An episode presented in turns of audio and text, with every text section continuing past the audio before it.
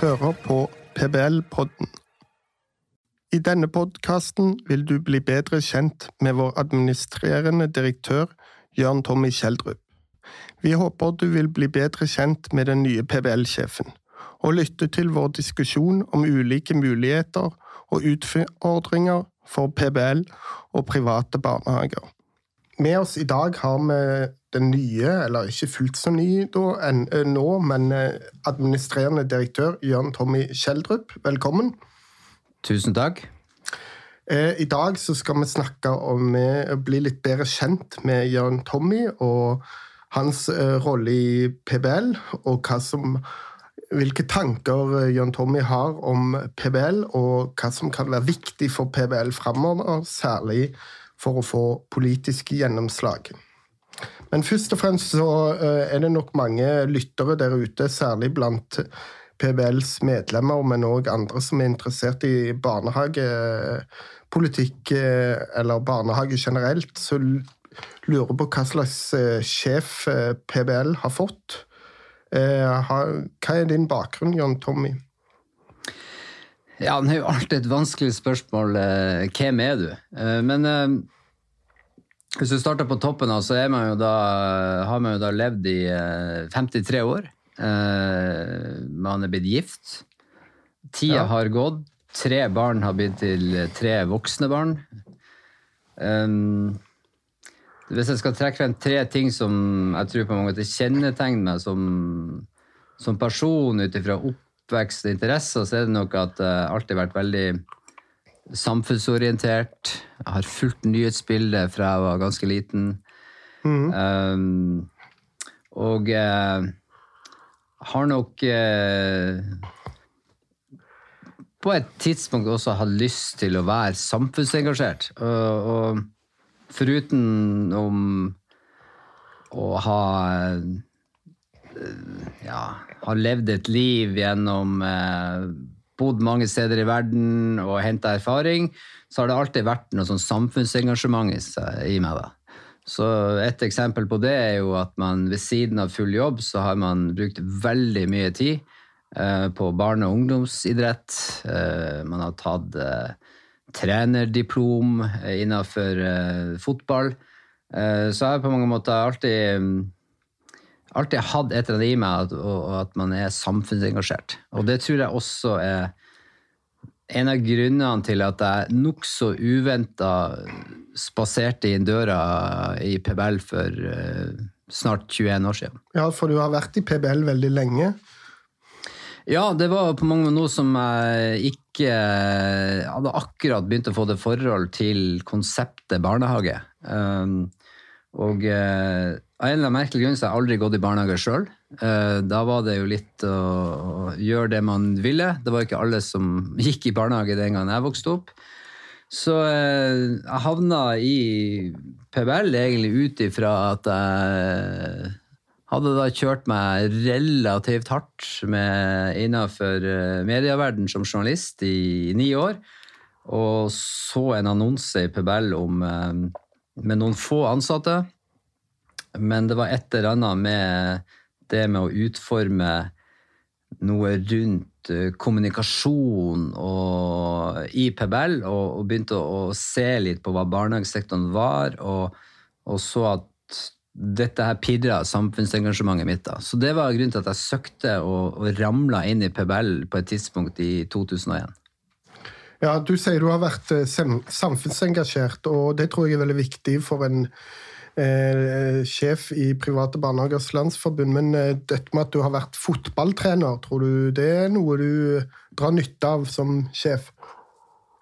I aller høyeste grad, faktisk. Ikke det at jeg har vært eh, eh har all betydning for det, men, men det, det, jeg gjorde da ved siden av de årene i PBL, var jo at jeg hadde lyst til å ha et samfunnsengasjement som frivillig trener uten å ta betalt for noe, og skjønte på mange måter at hvilken effekt det kunne ha på at uh, jenter og gutter kunne dra hjem fra en trening og følte de hadde hatt en god opplevelse. Uh, det ga meg veldig mye, og så tok jeg disse trenerutdanningene da, helt opp til det som kalles for UFAB-trenernivå.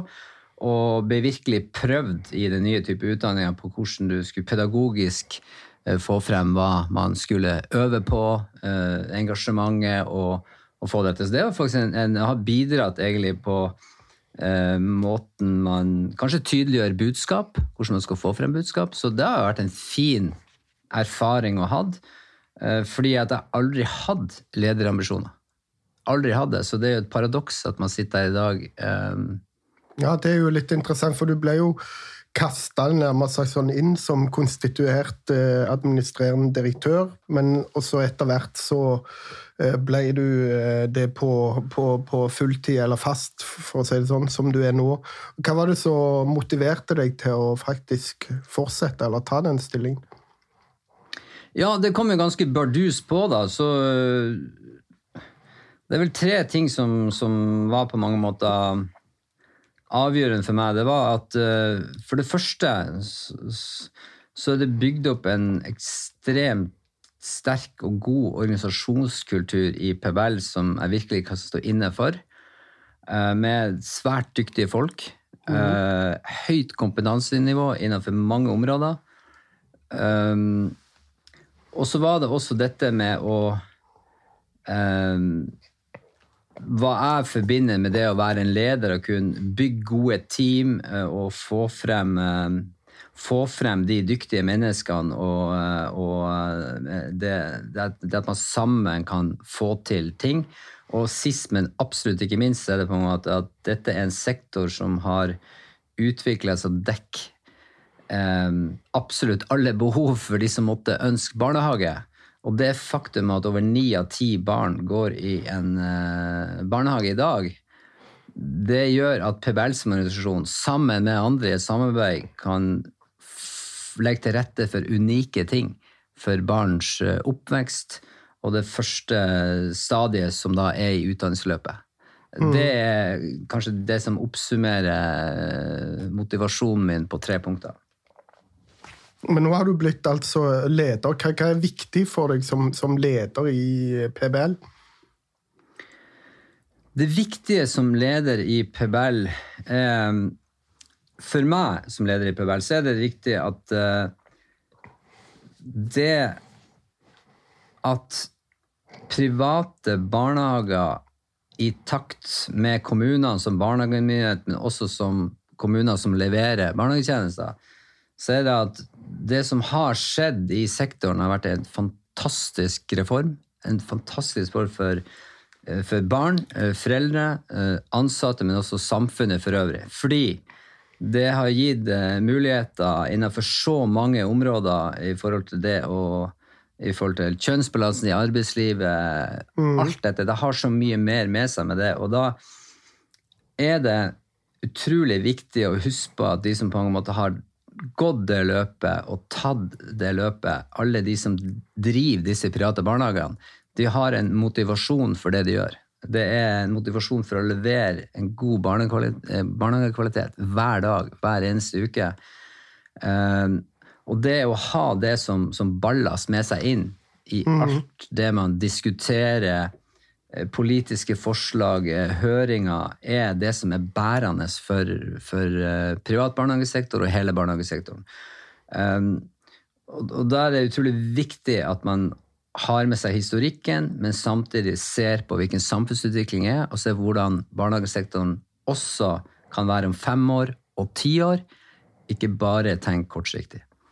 Ja, ja, jeg er jo litt spent på Jeg har jo fått ny sjef sjøl òg. Jeg jobber jo i PBL og jobba mange år i tenketanken Civita. Da hadde jeg jo Kristin Clemet som sjef, og det vi og noen kollegaer pleide å si på, på bakrommet, var av og til at jeg, der jobba jeg jo i tolv år at jeg uh, søyt med å skifte jobb, for jeg kom til allerede til å få en så bra sjef igjen. Uh, hva kan vi forvente av deg som sjef, vi som er ansatt i PBL? De ansatte eh, kan forvente seg 100 eierskap til eh, det fundamentet vi står på, det formålet vi står på. Vi eies av våre medlemmer. Mm. Det er grunnpilaren i det vi holder på med.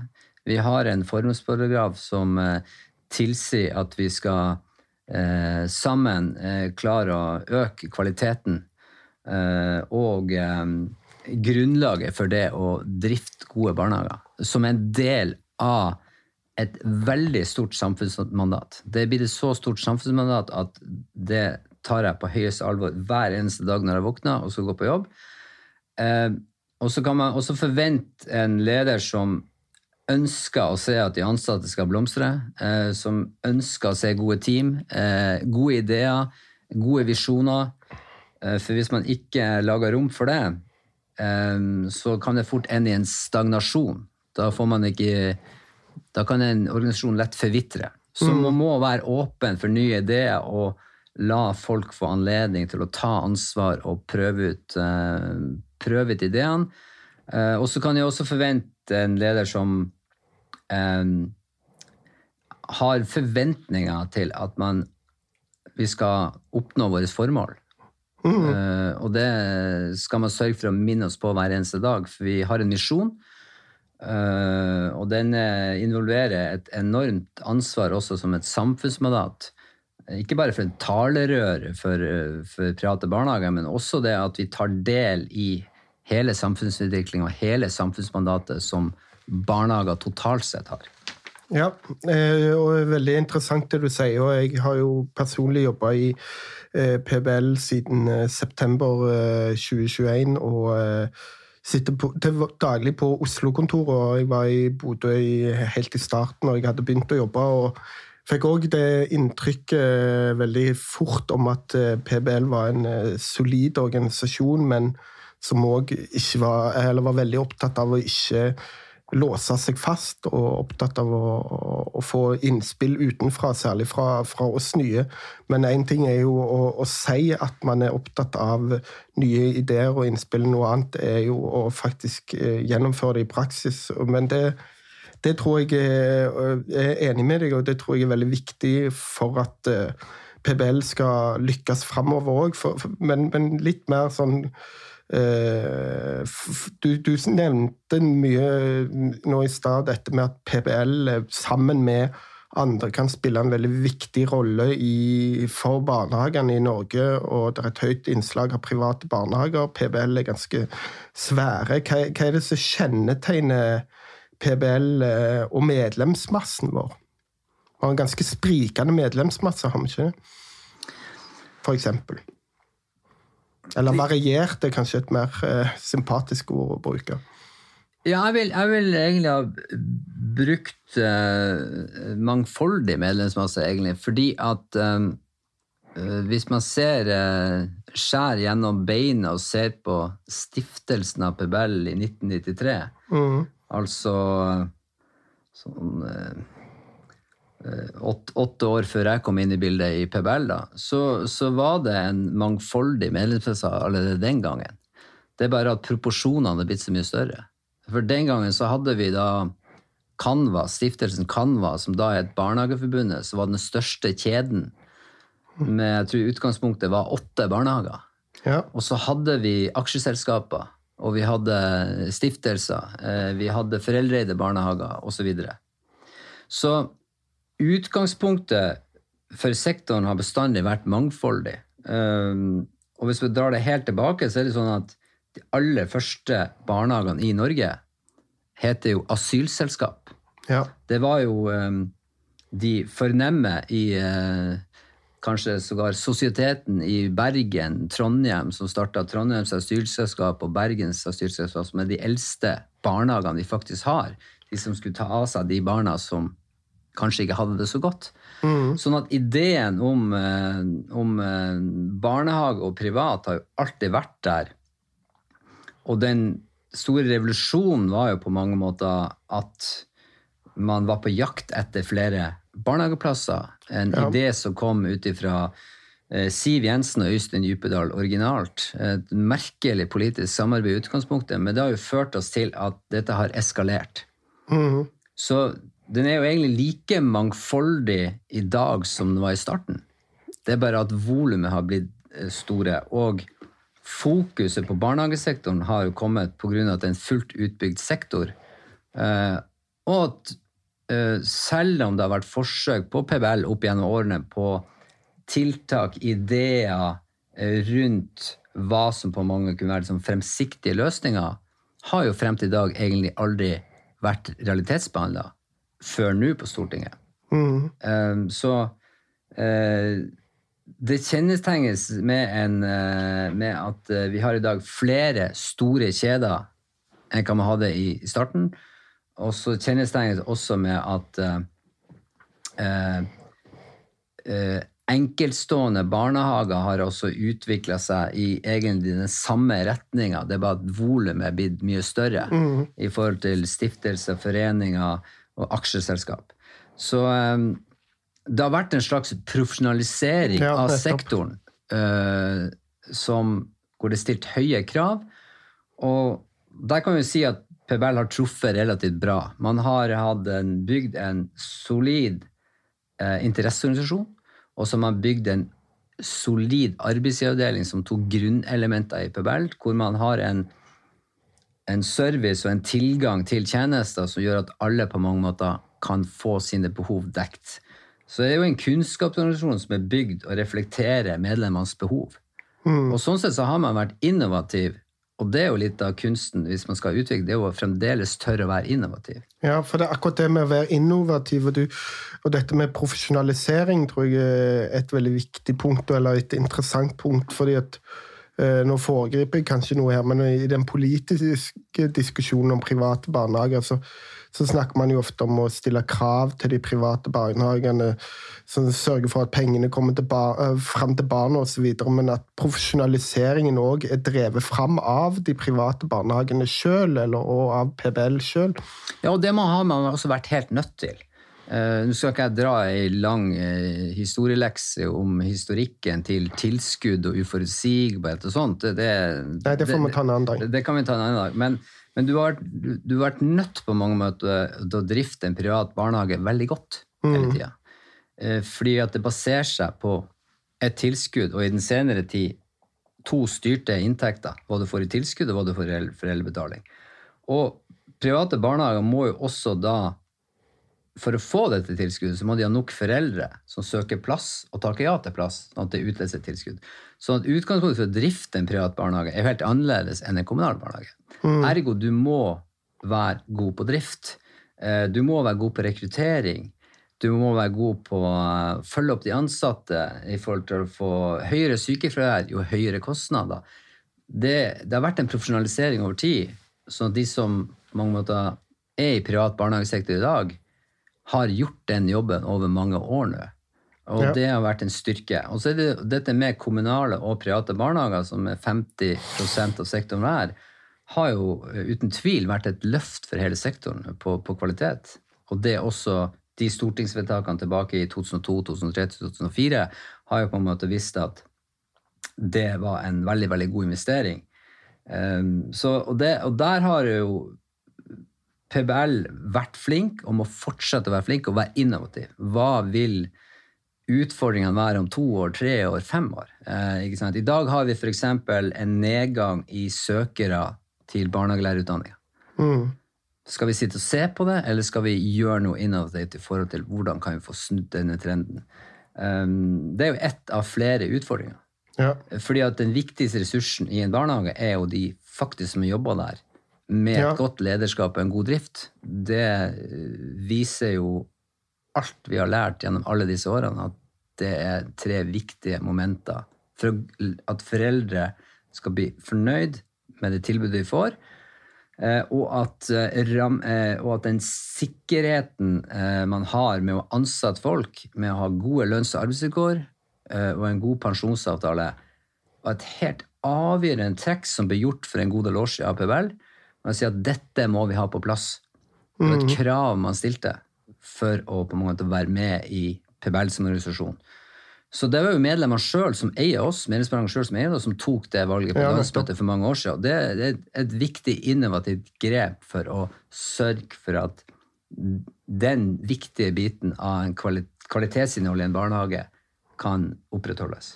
Ja, det er et veldig eh, interessant perspektiv, og det viser jo Uh, hvis man kjøper din fortelling, da, så, så, så, viser det jo på en måte at, at det er nettopp ved å ta i bruk private man klarer å, å få fram god kvalitet på barnehage. Uh, men du snakker òg en del om dette med, med PBL uh, fremover, og, og, og, at man må være innovativ. Hva, hva vil du anse som private barnehager generelt, men òg PBL spesielt sine sterke og svake sider. Kan du si noe om det? Ja, de, sterkeste, de absolutt sterkeste sidene ved PBL er på mange måter at vi egentlig er bygd opp ut ifra behov og etterspørsel til medlemsbarnehagene. Vi innretter på en sånn måte at vi hele tida må utvikle oss også i forhold til trender og variasjoner og nye behov. Mm. Så det er en stor styrke vi har. Den andre store styrken vi har, er jo at vi da eh, per definisjon har fra dag én eh, sagt at hvis vi skal vite noe om behov som vi kan hjelpe til med, så må vi ha kunnskap om det. Mm. Så den andre store styrken at vi har er vel den eneste organisasjonen i hele Norge innenfor barnehagesektoren som har opp operative folk innenfor rådgivning, juridisk rådgivning, samfunnsøkonomi med mer. Mm. Som hele tida på mange måter har eh, telefonsamtaler, e-poster, henvendelser hver dag inn hos oss. Og det er jo den kunnskapen vi sitter på, som på mange måter er den største forskjellen. Det betyr jo at vi i mange sammenhenger som sikkert ikke folk flest er klar over, eller verken i medlemsbarnehagene er klar over, eller eller myndighetene er klar over, det er jo at vi gjennom den kunnskapen kan bidra til dokumentasjon av ting som kan føre til at man tar riktige beslutninger. Eh, både i Utdanningsdirektoratet og i Kunnskapsdepartementet, og sågar også på Stortinget. Og det har jo historien vist at eh, hvis man lytter til sektoren man kan dokumentere det, så har man jo eh, et mye bedre utgangspunkt for å ta gode beslutninger. Ja. Som, da skal, eh, som da får innvirkning på på utrolig mange barnehager. Mm. Ja. Eh, hadde du noen svake sider, eller? ja, altså, Svakheter, svakheter med, med, med, vår organisasjon er på mange måter at uh, vi har nok vært uh, for sein på labben i enkelte faser. Mm. På å ikke oppfatte behov og etterspørsel, og kunne rigge oss om. Uh, vi har nok uh, vi har alt, vært altfor sein i forhold til uh, overgangen fra en type statlig finansiering til en kommunal finansiering med å være til stede på en annen måte ja. i hver enkelt kommune, der hvor medlemsbarnehagene sammen med kommunen som barnehagemyndighet skal gi et best mulig tilbud. Der har vi vært altfor seint på labben. Der tok vi jo grep i pandemien, hvor vi bare hadde fem aktive lokallag ja. i regi av PBL. Eh, hvor vi nå ser at vi er, vi er plutselig i nærheten av å nå 40 lokallag. Og det handler egentlig om å treffe medlemsbarnehagene på deres egen hjemmebane i forhold til de, det som skjer lokalpolitisk, de kravene og sånt. Og det er også, det er ikke bare et middel for å vite hva utfordringene deres er, men det er også et middel for at man på sikt eh, må jobbe sammen med kommunen som barnehagemyndighet. Ja. For det, skal jo være, det er jo et felles tilbud til mm. alle byens, eller kommunens innbyggere. Det er jo et felles tilbud uansett hvor mange private eller kommunale det er. Så det, jo, det, vil være en veldig fin bro og en plattform for det som eh, jeg tror hele sektoren trenger, og også kommunene som barnehagemyndighet og finansieringsmyndighet trenger å ha en sånn god plattform å stå på. Det er mye godt samarbeid der ute mm. eh, som man kan oppfatte og fordøye og kanskje bruke flere plasser. Og det å få en sånn delings, eh, deling av kunnskap er også veldig veldig viktig. Man leter jo ofte etter de gode eksemplene, de som har vært innovative. Ja. Men da må man være til stede også ute i kommunene. Så det er nok, eh, det er nok Svakheten til PBL er på mange måter at man eh, i, i noen sammenhenger er på mange måter for uh, treg på avtrekken i forhold til å gjøre disse tingene. Der føler jeg at vi er på vei til noe, men vi har et langt stykke igjen. For ja. barnehager produseres jo ikke bare i storbyene. Det produseres i hele Norge, og det leveres gode tjenester hver eneste dag i hele Norge. Og, og også behovene er jo forskjellige. Ja, det, uh, ja. ja, dette med hele Norge, da, Vi skal snart uh, snakke om den politiske situasjonen, men noe som kanskje mange lurer på, det er hvorfor uh, har PBL hovedkontor i Bodø, egentlig? Hva er bakgrunnen for det?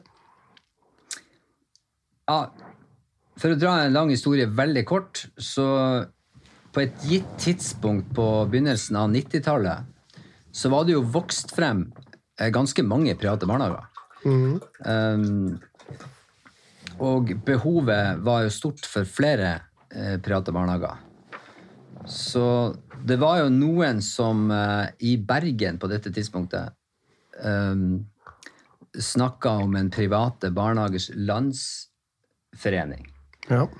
Samtidig som det var en idé eh, i Nord-Norge på det tidspunktet. Um, henholdsvis Andøya og litt i Bodø. ja.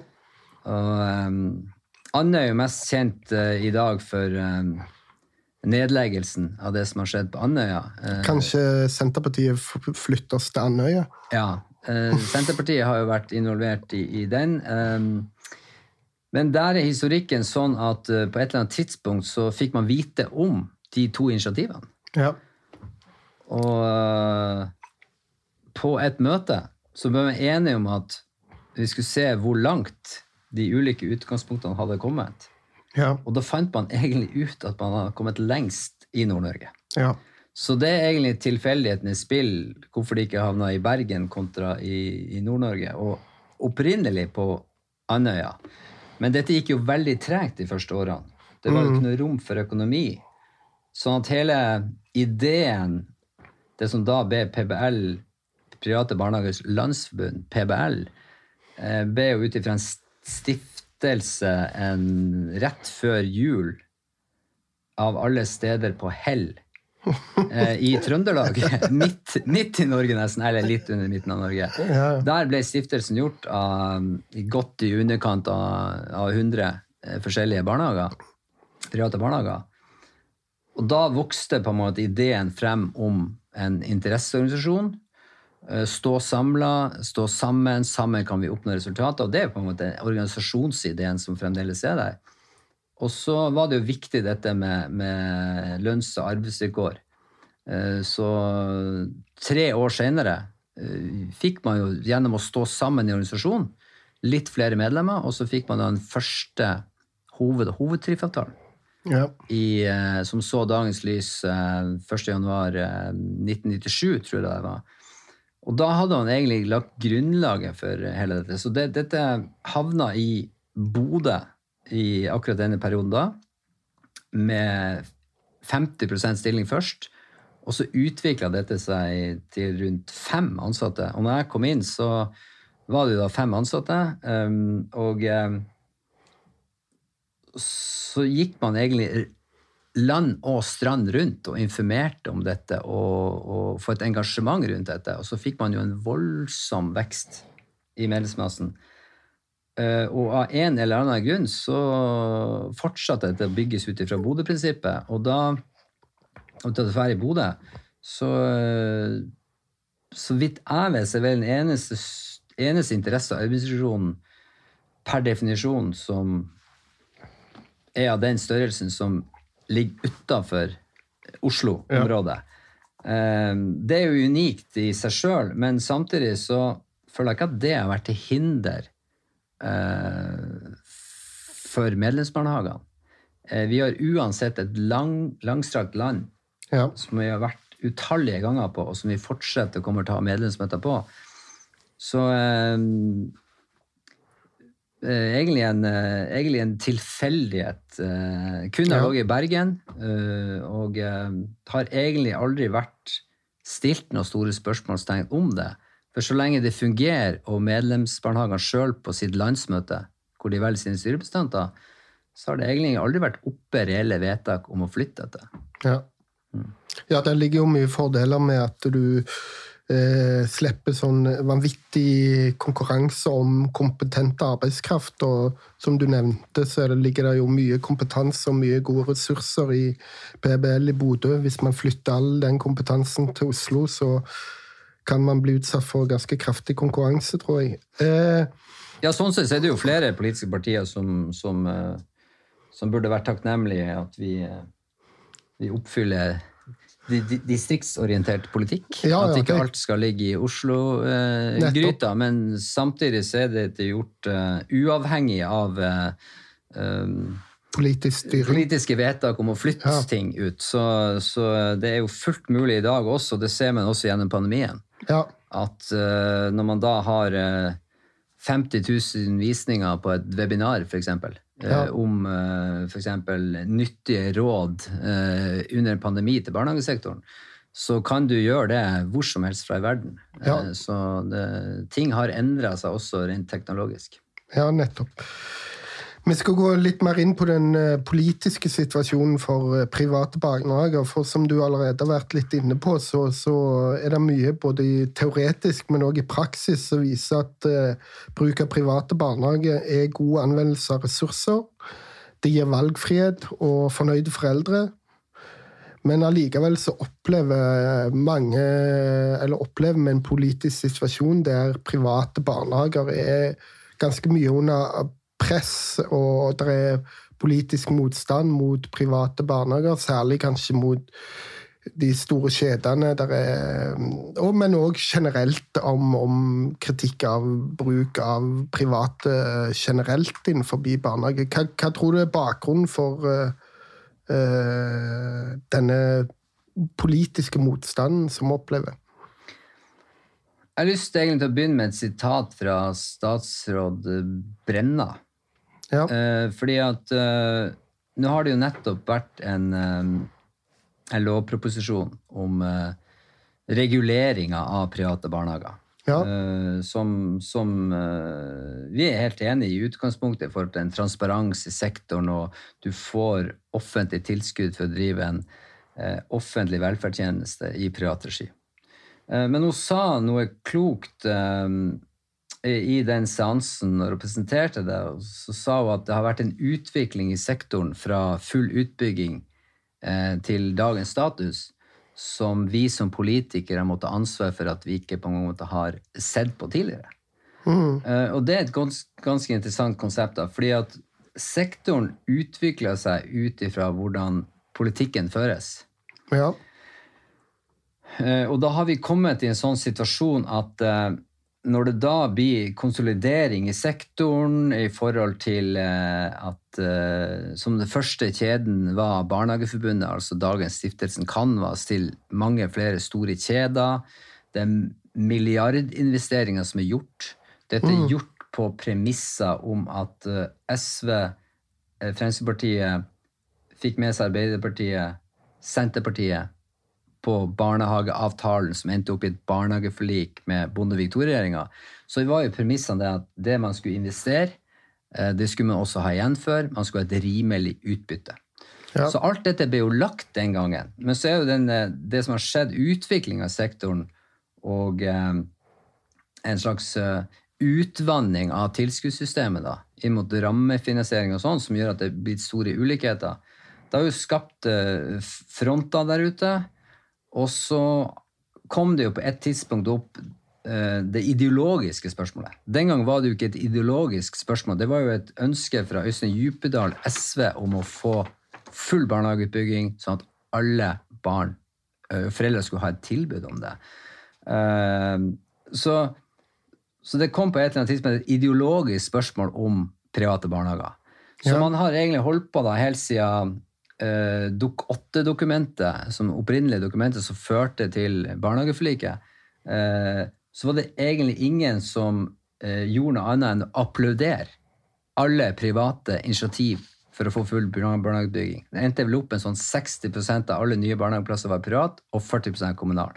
Og så fikk man en sånn unik sektor. Mm. Gode OECD-rapporter og alt. Men så kom dette ideologiske skillet, at man stilte spørsmålet hvorfor skal du tjene penger på dette. Mens utgangspunktet var jo at du må jo tjene penger og gå med overskudd hvis du skal videreutvikle drift. Du må jo ha en forutsigbarhet i dette. Så det kom et ideologisk skille, der, et politisk skift i Norge, som satte egentlig alt på spissen.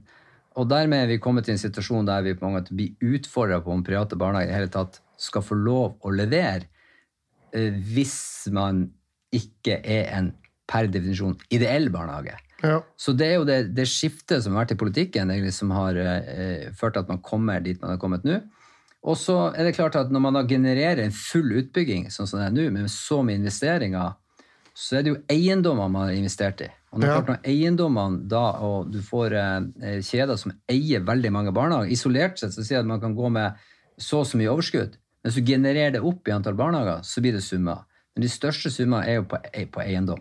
Og det er klart at da blir det jo synlig også for politikerne hvor mye som er investert, og hvor mye som er mulig da. Men premissene for alt dette var jo at man skulle investere det, og ha rett til et rimelig utbytte. Og det man investerte i, altså eiendomsretten, det, det, Ja, ja. det, det var premissen vi lagt ned.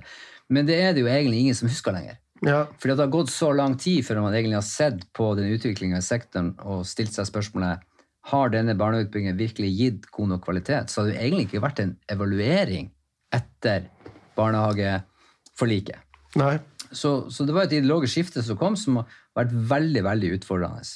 Eh, så det blir jo litt sånn tilbake til Hvis du spør foreldre i dag eh, Samme foreldrene for 10 år siden, 15 år siden, 5 år siden Ja. eh, om, om hva som betyr noe for dem, så tror jeg ikke de har utgangspunktet om den er privat eller kommunal. Nei. Det er opplevelsen av at de har valgt en barnehage de kanskje har gjort research på, ønska seg inn i, om de er fornøyd eller ikke fornøyd eller mindre fornøyd. Det er jo det som betyr noe. Ja. Så det ideologiske spørsmålet er jo et politisk spørsmål.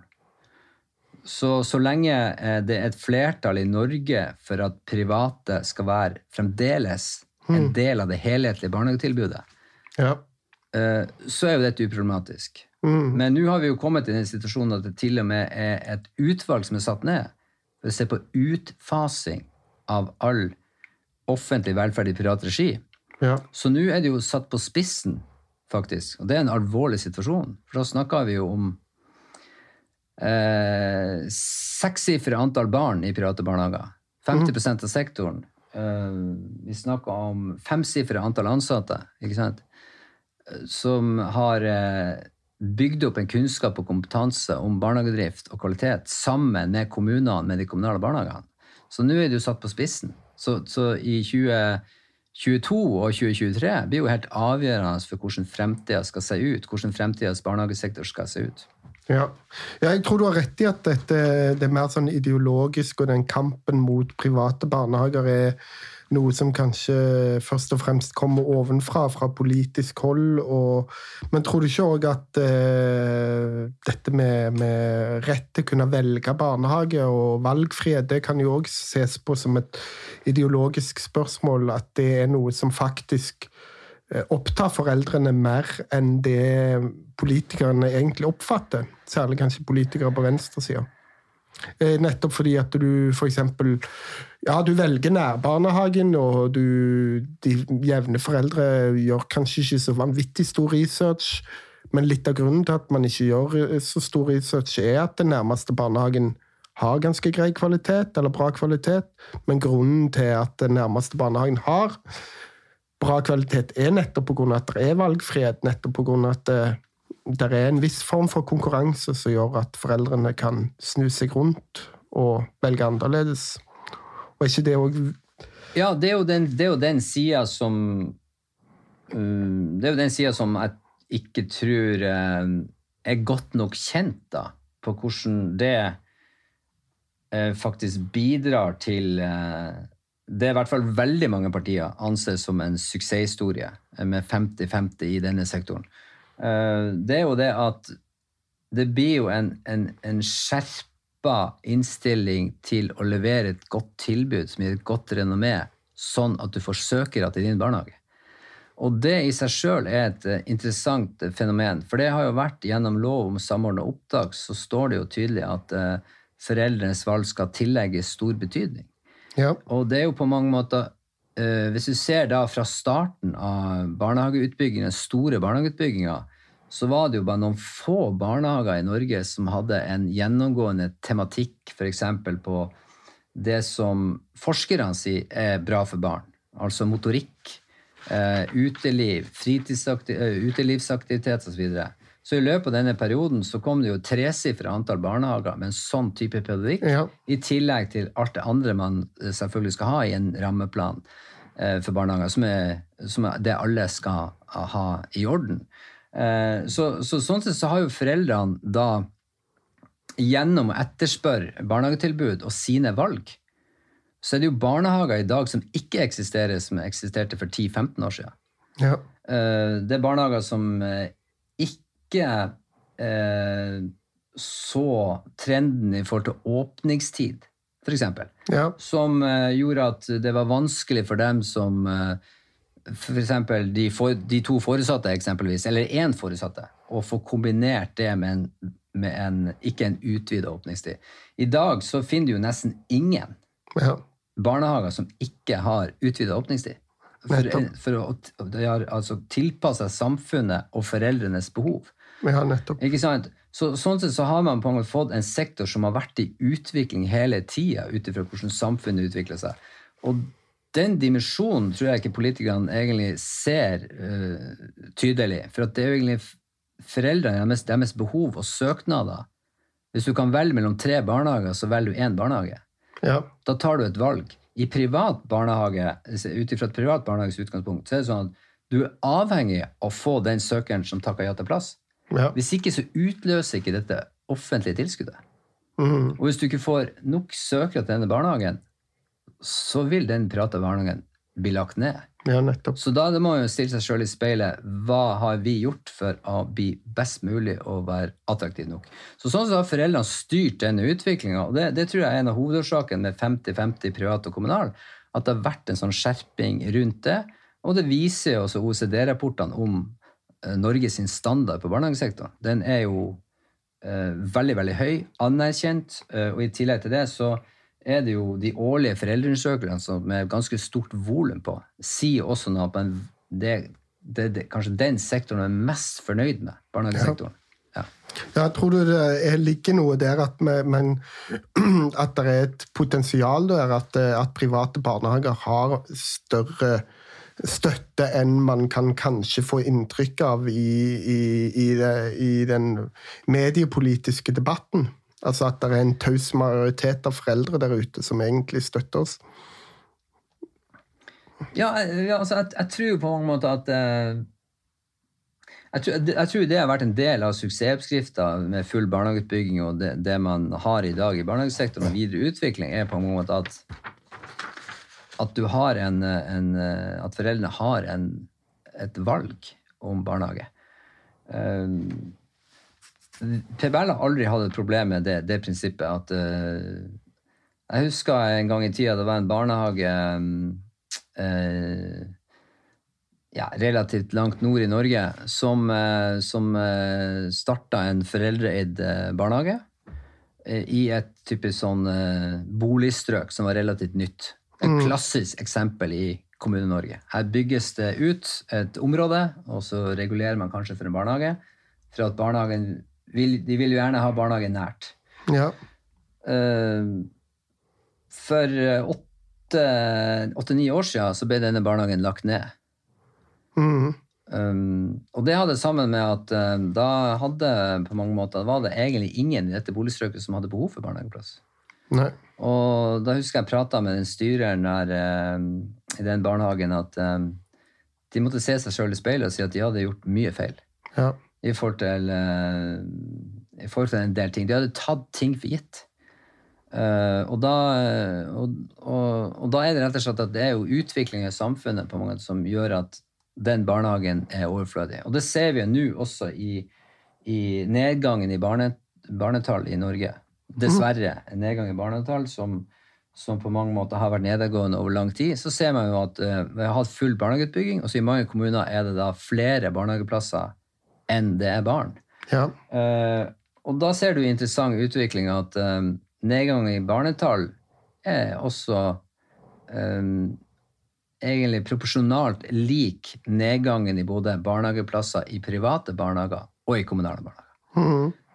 Sånn at det tilsier jo på mange måter at man må um, da, da er det, jo, det er jo foreldrene som har styrt den utviklinga. Ja, Så, så sånn sett så er det jo I et sånt system hvor foreldrene fremdeles har en frihet til å sette seg på én, to, tre, fire i forhold til alternativ de søker på, tar et valg, så bestemmer de på mange måter Er de med på å styre utviklinga og definere hva de syns er godt nok.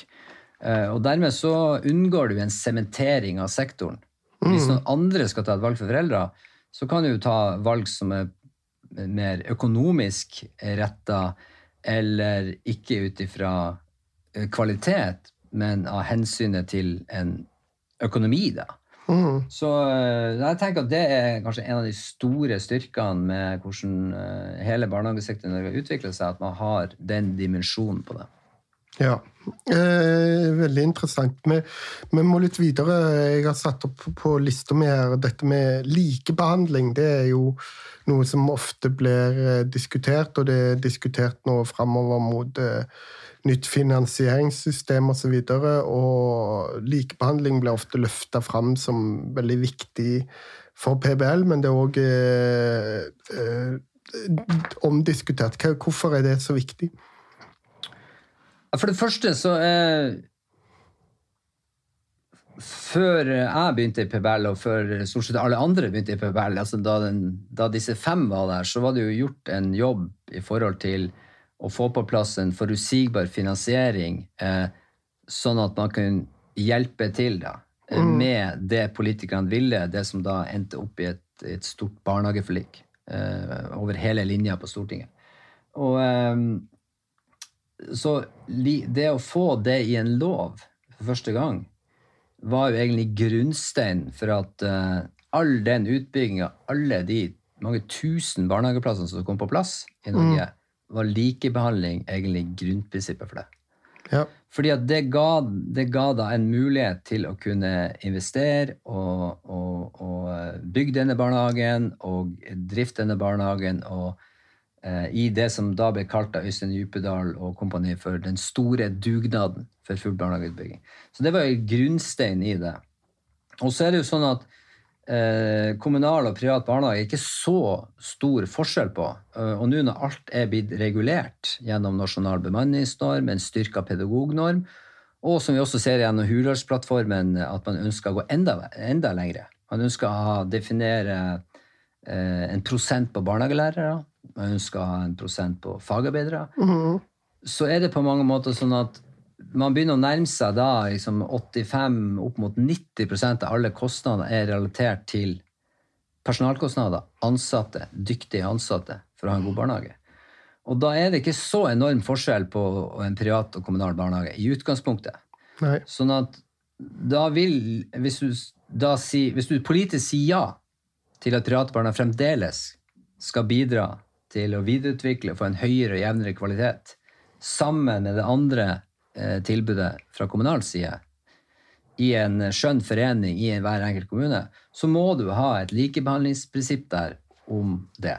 Så hvis det er politisk aksept for det i Norge, så er det et helt grunnleggende fundament hvis du skal bidra til eh, regjeringa og Stortinget sine mål om en høyere og jevnere kvalitet. Eh, Og da, da er det på mange måter alfa og omega. Og da er det på mange måter det, Enten må du si ja til det, eller så går du på mange på, på det som er helt ytterst til venstre i det politiske Norge i dag, at man ikke ønsker alle typer barnehager. Mhm. Så enten må du si ja til likebehandlinga uavhengig av hvilken selskapsform du er, ehm, eller så går du egentlig i andre retninger. Og, da, og da, da, ser du, da ser du for deg Da vil det jo være plutselig et Hvis man skal ta det skrittet, så vil man selvfølgelig plutselig ha behov for barnehageplasser igjen. Og da, eh, da blir ting vanskelig. Ja, da tror jeg ikke ting kan bli vanskelig. Vi må begynne å nærme oss slutten her og gå inn for landing. Jeg har egentlig to spørsmål igjen som jeg egentlig kan gjøre om til ett. Altså hva du tror er de viktigste politiske kampene fremover. Du har jo annet her nevnt eh, likebehandling, men òg eh, Eh, statsråd Tonje Brenna hun har òg snakket en del når hun eh, snakker om barnehagepolitikk, at eh, regjeringen ønsker å ta makt vekk fra private styrerom. Da snakker vi vel kanskje først og fremst om konserner. Og, ta, å flytte makt inn til kommunestyrer. Hva, hva tenker du om det? og og den konfliktlinja som eh, blir tegna opp fra regjeringen der, og, og, om du kort kan skissere opp noen viktige punkter for PBL framover, interessepolitisk?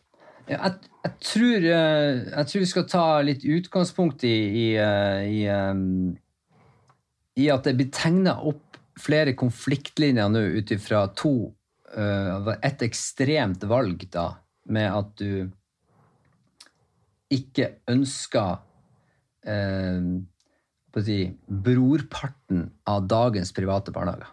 Ja. Man ønsker ikke da eh, AS-er. Man ønsker kun det som de, noen definerer som ideell barnehage, at du ikke kan ta ut et overskudd. Så jeg tror, eh, jeg tror det må på mange måter eh, eh, avklares egentlig først. Ja. og hvis man får avklart det, så det er utfordringen for avklart hva Hvis denne regjeringa ønsker, som de har sagt også nylig, at de ønsker private og kommunale barnehager videre i en skjønt forening og så Hvis de gjør det, så, så vil det være et ganske stort flertall for den linja videre. Og utfordringa til Pebell, og det vi, jeg tror vi må bidra til å gjøre, det er å få ned konfliktlinjene og gå tilbake til utgangspunktet. Hva vil gi en høyere jevnere kvalitet? Mm. Uavhengig av hvilket valg uh, og behov, fremtidig behov foreldre og samfunn har til en barnehage. Uh, så må man få ned frontene, så man, må man snakke konstruktivt om hva er det som skal til for å sette alle barnehagene i stand til å levere denne kvaliteten, og eventuelle fremtidige krav man har. Og så må man samtidig være eh, konstruktiv nok til å eh, få en debatt om hvordan, man, hvordan en kommune sammen, i samarbeid med de private og de kommunale For her varierer jo fra kommune til kommune, ja. dette forholdet mellom private og kommunale hvordan vi i, i, i, i, samarbeid kan få gode løsninger også for tilrettelaging av, av um, behovstilpassa ut ifra hvordan en kommune ser ut. Men da kommer man seg ikke unna den, uh, de to store, uh, som jeg vil kalle det for bøyger. To bøyger er det. Da må du, hvis du skal gå den veien og bestemme deg politisk for å gå den veien, som er viktig for Bell, da må du på en måte ha et likebehandling. Sett, du må sette disse private eh, i stand til å levere den kvaliteten som er nasjonalt bestemt. Det må alle gjøre. Mm. Og så er egentlig det andre hovedprinsippet, hvis de ønsker at private barnehager skal bidra til videreutvikling og få en høyere og jevnere kvalitet, så må du opprettholde foreldrenes valgfrihet til å kunne velge mellom ulike private barnehager, ulike kommunale barnehager og mellom private og kommunale. Ja. For da vil du få en utvikling av sektoren. Da vil du, da vil du kun De barnehagene som virkelig leverer, gå foran, og det er mange, mange av de. Eh, de vil på mange måter ha livets rett. Mm -hmm. eh, mens private barnehager som på en måte ikke eh, si, tar tak i en situasjon hvor de ser at de ikke er attraktive, da er det jo, for det må være grunner til at man ikke er ønska. Ja, ja. Og da bør det være, bør det være for, for, PBL er det jo ikke noe problem å si det at hvis ikke det er noe som da er spesielt behov for i denne kommunen, f.eks. Eh, for i forhold til levekårsutsatte barn, da bør man på baksiden av denne likebehandlinga som skal finansiere det alle skal levere, så kan man gjøre tilpasninger. Selvfølgelig. Både for private og kommunale barnehager fordi at det skal være tilpassa det behovet som er. Men i utgangspunktet, hvis det ikke er noe annet som ligger til grunn for det, så, så ser ikke vi på hvorfor skal man opprettholde eh, barnehager som da ikke blir valgt. Ikke ja. sant? Hvorfor skal man gjøre det? Fordi at øh, hvis ikke det er særskilte behov man ser, Eksempelvis hvis jeg, eh, man ønsker å ha en barnehage, uansett om den er privat eller kommunal, eh, selv om det er for få barn der, så blir jo det en dyrere drift. Men hvis det er et bevisst ønske om å, om å gjøre det, så kan man gjøre det. Men da må man i bunn ha en finansiering av alle. Ja. Ikke sant? Så det blir på mange måter de, tror jeg, de store bøygene som, som eh, politisk må avklares. Ja, jeg tror du har rett i det, og valgfrihet som eh, er jo for foreldrene veldig viktig, men det òg er jo noe som selvfølgelig kan ramme private barnehager hvis man ikke leverer høy kvalitet, som du sier. Det var eh, veldig interessant å prate med deg. Tusen takk for praten. eh, Men bare helt til slutt så lurte jeg på, for at jeg får, du, du beskriver veldig godt eh, hvor uh, suksessen til private barnehager Tror du det er et element av at, men òg dette med 50-50, at, at uh, PBL er så svære at vi leverer så uh, De private barnehagene leverer grunnleggende velferd i så stort volum som du snakket om, at eh, en del av den politiske motstanden kommer pga. det. Altså at private barnehager er ikke bare noe supplement eh, til, til, til offentlig sektor, men er såpass svære at, eh, at konflikten blir hardere pga. det. Fordi at vi, rett og slett fordi at vi er store.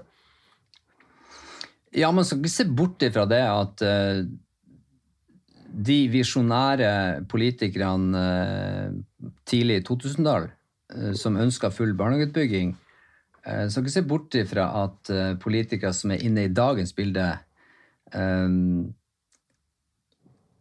kanskje ser seg sjøl i speilet og hva var det som skjedde på veien her. Ja, Eh, fordi at eh, nå har vi jo da en, en sektor som, som, eh, som har et ekstremt høyt innslag av private barnehager i, i samarbeid med kommunen, og de har 50-50. Så man kan ikke se bort ifra nå at også en reaksjon av eh, det som president Rødt og, og SV nå i senere tid, som da i realiteten har snudd ja, Eh, Ut ifra at de var en av hovedarkitektene ja bak dette. SV var det, ja. ja. Eh, Så, så kan man ikke se bort ifra at man nå at det dette som nå kalles et, i forbindelse med budsjettforhandlingene for 2022-budsjettet, at man har satt ned dette nullprofittutvalget. ja. Så kan man ikke se bort ifra at eh, de som ideologisk sett ikke ønsker privat offentlig velferd, eh, kanskje eh, frykter at dette skal spre seg videre til andre eh, sektorer eh, som har innslag av, av, av offentlig velferd i privat regi. Og det er jo sikkert en av grunnene at det er også formulert at man skal se uh, uavhengig på hver enkelt sektor nå fremover. ja. Uh, det store paradokset er jo at uh, Og det vet vi mye om. Hvis du ser på offentlig velferd i privat regi, så det er ingen andre sektorer som er mer gjennomregulert enn privat barnehagesektor. ja nettopp. Um, og i tillegg nå kommer det ytterligere reguleringer som skal, med, med frister 1.7.2022 og 1.1.2023. Så sånn sett, hvis man skal vri på det, hvis man ikke har den ideologiske innfallsvinkelen, så burde man jo se på hvordan kan man lære av privat eh, oppbygging av barnehagesektoren i Norge. Ja, på hvordan man kan se på Som per definisjon er litt billigere enn kommunale barnehager, fordi man faktisk får Hvis du ser på totale kostnader i kommunal, kommunale barnehager, så er det litt mindre enn det man får i tilskudd eh, til private barnehager. Ja. Um, så um, da burde man egentlig snu det på hodet og se på hvordan kan vi lære av dette. Fordi at alle trender, økonomiske analyser, hvis man følger litt på det, så sier man det at Norge vil ikke ha råd eh, til å bruke mye mer på det. Nå kanskje mer, enda større krav til bruken av offentlige skattepenger på det man skal levere. Så sånn sett så, Hvis man ikke er på den ideologiske venstresida som er mot, som bare vil ha ideelt, og vil egentlig legge ned egentlig resten av sektoren, privat barnehagesektor, så har man jo en mulighet til å se på og lære av det som har skjedd på barnehagesektoren, for å se om det kan overføres til andre sektorer. Ja, det tror jeg du har rett i. og særlig, Det har vi ikke vært så mye inn på, men særlig dette med maksprisen og hvordan den fører til lik tilgang til tilbudet. Eh, i, altså, det er ikke, det er ikke klasseskilleproblematikk med, med, med tanke på private barnehager. Det burde man jo i et eh, likhetsorientert Norge kunne lære noe av? Ja, helt klart. Um, og jeg tenker at uh, hvis man ser på hva som faktisk er nasjonalt styrt i barnehagesektoren, så er det absolutt alt bortsett fra det offentlige tilskuddet som varierer.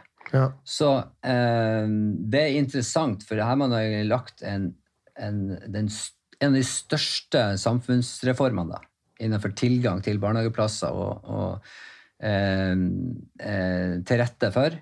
Og så har man egentlig styrt dette nasjonalt i, i stor grad. Og det er jo interessant eh, egentlig hvis man skal se på de andre sektorene man skal gjennomgå. da. Ja. Eh, hvilke krav skal du faktisk stille til leveranse? For det er utrolig mange krav som stilles til både private og kommunale barnehager i dag. Ja. Innenfor hele spekteret på nasjonal bemanningsnorm, styrka pedagognorm, du har foreldrebetaling, du har inntektsgradert betaling, ikke sant? du har søskenmoderasjon. Og det er jo fordi at man ser at den investeringen der gjør at vi får hele Norge ut i jobb. Ja. Eh, men nå ser vi jo da at barnetallet går ned, så nå jo, blir jo egentlig hele sektoren stilt på en prøve Ja. i forhold til hvilken kvalitet man leverer. Så veldig interessant perspektiv, og, og, og de neste fem til ti årene, eh, hvordan samfunnsutviklinga blir, og hvordan barnehagesektoren skal møte de behovene som kommer da, og hvilke krav man stiller eh, til kvalitet fremover. Tusen takk for praten. Jeg tror vi kunne prate en time til. Jeg tror vi nesten eh, kom opp i en time. Tusen takk til alle som hører på. og Se mer på pbl.no for å lære mer om PBL, og så lytt gjerne til vår podkast framover. Takk for at du fulgte med, og takk for at du kom, Jon Tommy. Takk for at jeg fikk.